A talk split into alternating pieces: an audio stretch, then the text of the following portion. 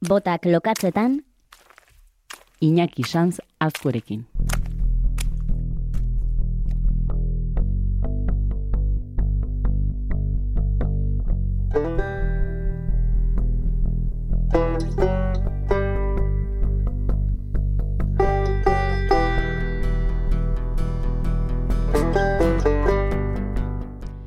Zesura taldeak ala kantatzen zuen, ongi etorri Euskal Herri tropikalera. Ez du Iñaki Sanzazkue arantzadiko laguna korrespontxal gisa bidaldi tropikora, lastima da, ez da Iñaki? Artuko nunca pixka bat, eh? bidai txiki bat, edo... Bai, ari gara, eh? Sosak biltzen ari gara, baina itxen beharko duzu pixka batean. itxen dugu, behintzat iristen bada. Hori da. Hala ere, tropikalarena etze ez da debaldekoa izan, ez da azkenaldiko eguraldiari referentzia ere, kontua da urtarrileko botak lokatzetan atala, iratze paleotropikalari eskeniko diegula, ez da? Bai, hori da. Kasu honetan iratze paleotropikal hauek, iratze subtropikalak izango liak, eh? jatorriz.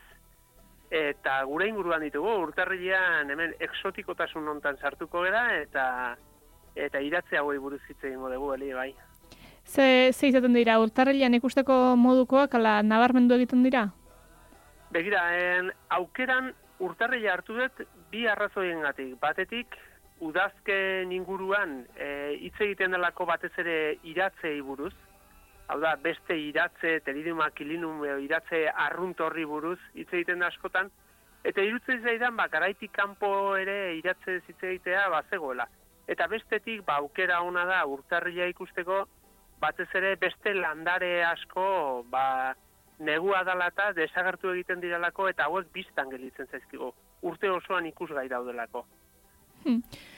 Jakin izan dugu gainera, alako ezaugarri berezi xemarrak behar izaten dituztela, ez? Gainera ez dela duela aspaldi aurkitutakoa, bailera sakon eta arroileako bazulo gixakoetan aurkitu omen daiteke. Hori da, be aurraniko aurkikuntza esan zekugu e, Euskal Herrian behintzat emeretzi garren mendiaren bukaeran izan zela. E, garai hartan frantziar botanikariak ibilizian gure inguruan eta biriatuko eremu horretan aurkitu zuten aurreneko populazioa esan daiteke. Eta, bueno, ba, publikazio baten ostean, ba, publikazio horrek berak bultzatu zituen bestein bat botanikari, ba, gipuzkoa ingurura sartzea, eta hortxe, jaizkibeleko eremuan aurkitu zuten okerrezpanago mila zortzion da larogeita emezortzian. Orduan, bai, esate zutela oso arraroa zala, gutxi zegola, eta, bueno, ba, pixkanaka, pixkanaka, azken urteetan batez ere, ba, populazio gehiago aurkitu dira, eta ikusi dugu, ba, bueno, arrunta, arrunta ez dela, baino pentsatzen zen bezain arraroa ere ez, hau da, iratze paleotropikal hauek gurean baditugula. Eta esan dezun bezala, bailara ilun, eze, eta, eta sakonetan, eh? isuri alde Atlantiarreko erreketan. Eta erreka horietan zer aurkitzen dute bado, ze behar dituzten ze ezaugarri dituzte ere muiek, ez dakit ba, lurraren aldetik edo uh klimaren aldetik edo ze ezaugarri gatik agertzen dira ere horietan. Bai, begira, pentsatu behar duguna da, hauek jatorri subtropikaleko iratzeak izan da, behar dutena da, ezetasun maila oso altua, saturazio puntu bat, eta gero behar dutena da temperatura egonkorrak izatea, ez? Bate pentsatuko du agian, ba, bueno, baiara horiek nahiko hotzak direla, eta ez ote dian e, jatorri subtropikaleko landare batentzako txarrak. Baina kontrakoa da, pentsatu behar dugu, baiara ilun eta sakon hauetan, eta iratzea batez ere hor egoten da, ez? Arkaitzetan, erreka onduan, e, hor izozteak egoteko arrisku oso gutxi dagola. Izan ere, ba, erreka ondoko eremuetan temperaturak nahiko konstante mantentzen dira, ez? Eta kontrakoa, eguzki gehiegi sartzeko ere, ba, ba ez eguzki gehiegi sartzen, orduan esan daiteke bai neguan eta bai udan, ba mantentzen diala, bai temperaturak eta baita ezetasuna ere. Hmm. Munduan zer Euskal Herrian aipatu dugu eta zehaztu duzu ze gunetan aurki daitezken, munduan Euskal Herrian bezain e, arraro klasifikatu zuten, baina aipatu duzu dagoen lekuetan pixka bat badagoela, munduan zer nola dago barreiatua? Ba, begira, e, iratze paleotropikalak ez eta aipatu baino, espezie bat baino gehiago aurkitu itzakegu Euskal Herrian. Eta gaina guztiak ikusiko ez duen bezala, oso izen bereziekin, eh? E, izen zientifikoak nahiko zailak dira, eh? bat butbardia radikans izan daiteke, edo himenofiluntum brigense izan daiteke, edo eta bandenboskia espeziosa, eh? Azkeneko uniburuz e, izango dugu gaur batez ere, ba, bueno, e, komila artean arrunte dentarikoa izango litzatekelako, mm, bueno, buzbartia radikanza bizkai aldera, ba, agian arruntagoa litzateke, eta gipuzko aldean banden boski espezio hau. Baino, en, aipatzezun moduan, espezia hauek badute munduan zehar beste kokapen bat ere, eta batez ere, ba, Azores, Madeira eta Kanaria uarte, uarteetan topatu izakegu. Eh?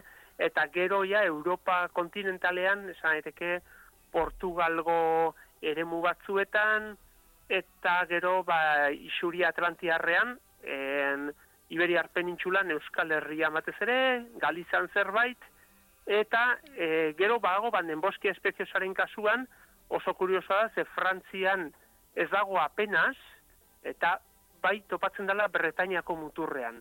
Orduan, esan daiteke banaketa ez dala oso oso e, egonkorra eta zabala. Eh? Eremu batzuetan baino ezin dugu aurkitu. Gero Europa barru aldera ere puntu batzuetan aurkitzen da, baino esan dakoa, beti baiara ilun eta ezeetan. Hmm.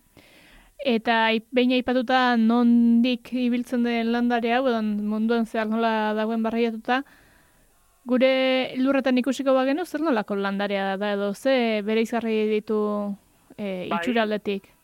Begira, ba, banden boski espeziosaren kasuan, eta gainontzekoak ere antzeko zerbait egiten dute, taldeka menduan edo taldeka multzoka agertzen dira batez ere erreka onduan. E, banden boskiaren kasuan izango litzateke gure eskuaren tamainako frondea dukiko luke. Frondea da ostoaren antzeko atal bat, eh? Orduan izango lukena da gure eskuaren tamainokoa. Imenofiluntun brigenzen kasuan izango litzateke ba, gure behatz txikiaren tamainakoa gutxo gara bera. Eta ordea, e, butbardia radikantza bestea izango ditzateke, ba, ia belaunetaraino edo handiagoa, e, metrote ardi edo hartu ezake. Bandemoskia espeziosaren kasuan, esan behar da multzokaz e, aurkituko dugula eta beti errekatik oso oso gertu, eta gaina multzo horretan aurkitu daitezke, e, fronteak edo osto antzeko horiek bata bestearen gainean. Eh? Eta gaina gauza oso kurioso badaukate. Izan ere, hauek sortzen dianean zehar argiak dira. Bai menofiluntum brigense eta bai banden boske espeziosa.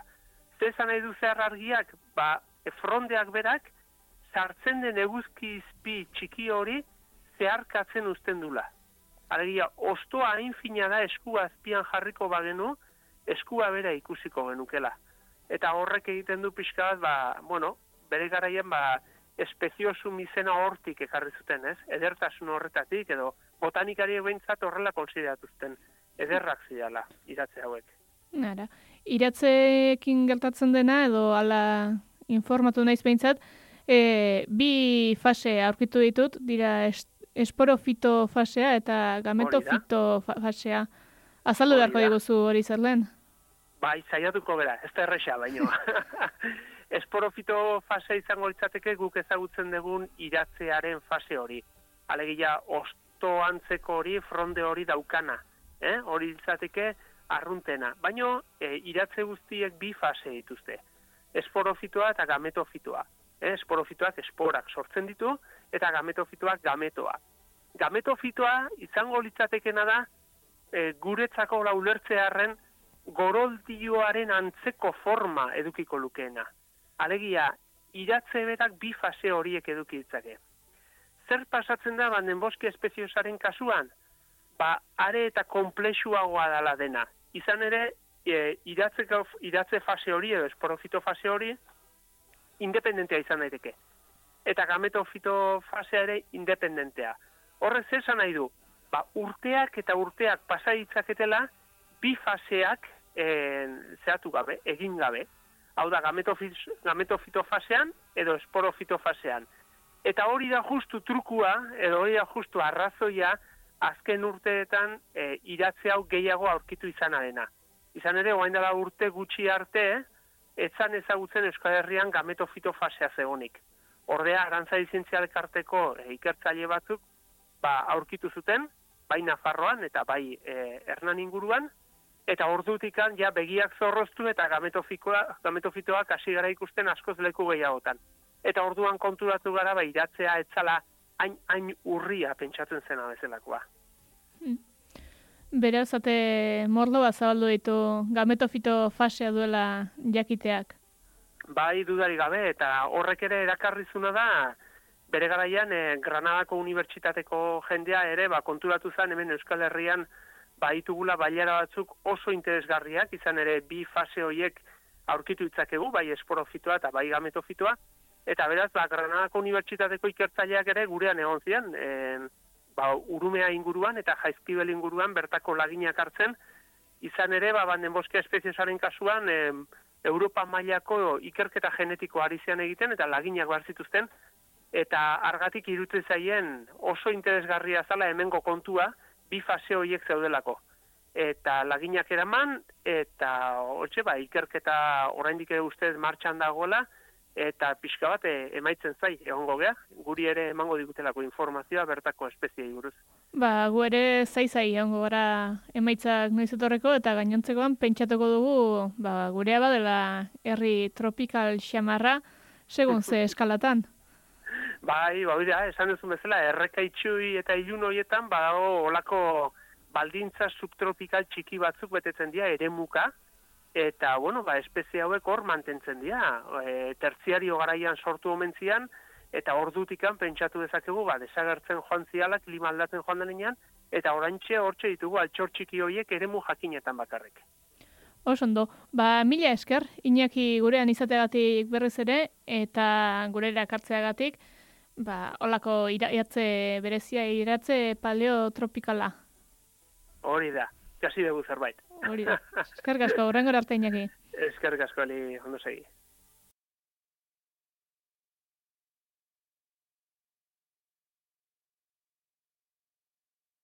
Etorriak Euskal Herri Udaberria, neguaren hilberria.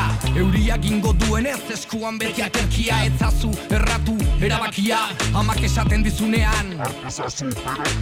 Aurten ere ez euki zalantza Uda pasatuko dela baina Euskalo norantza. Otza egiten badu ere prestatu erratzak. Uda ondo azteko sorgin dantzan.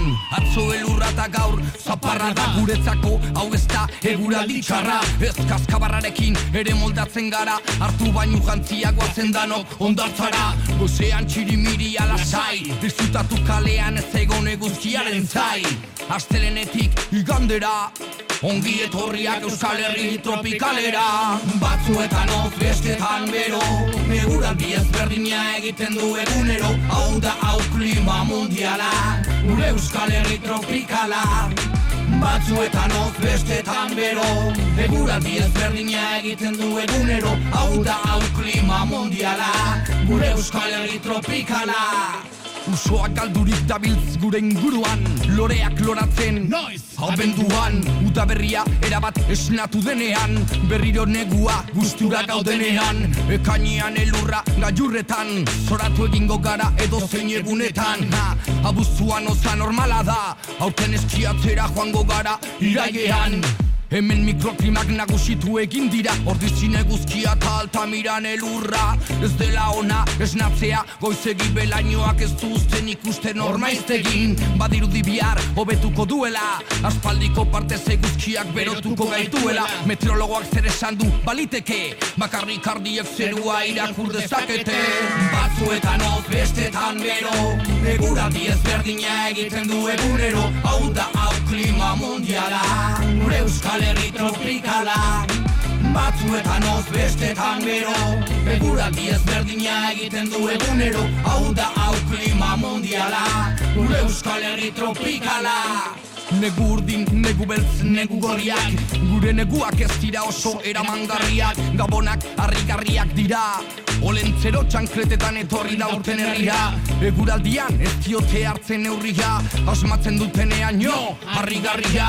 Bihar txingorra ez talarria Ana urrutiaren ahotik entzun da zoragarria. Argibili badator udazkena Torrelen guzua da. Trumoidu abizena Burura harririk erori ez dakigun etxean geratzea urtea izango da oberena urtero panorama berbera. Egun urdinenak ere erortzen dira zerutik bera. Duten entzatu lertzen gazteleraz Si vestimos de goretex por algo será. Batzuetan oz bestetan gero Egura diez berdina egiten du egunero. Hau da hau klima mundiala Ure euskal herri tropikala Batzuetan oz bestetan bero. Egura diez berdina egiten du egunero. Hau da hau klima mundiala Ure euskal herri tropikala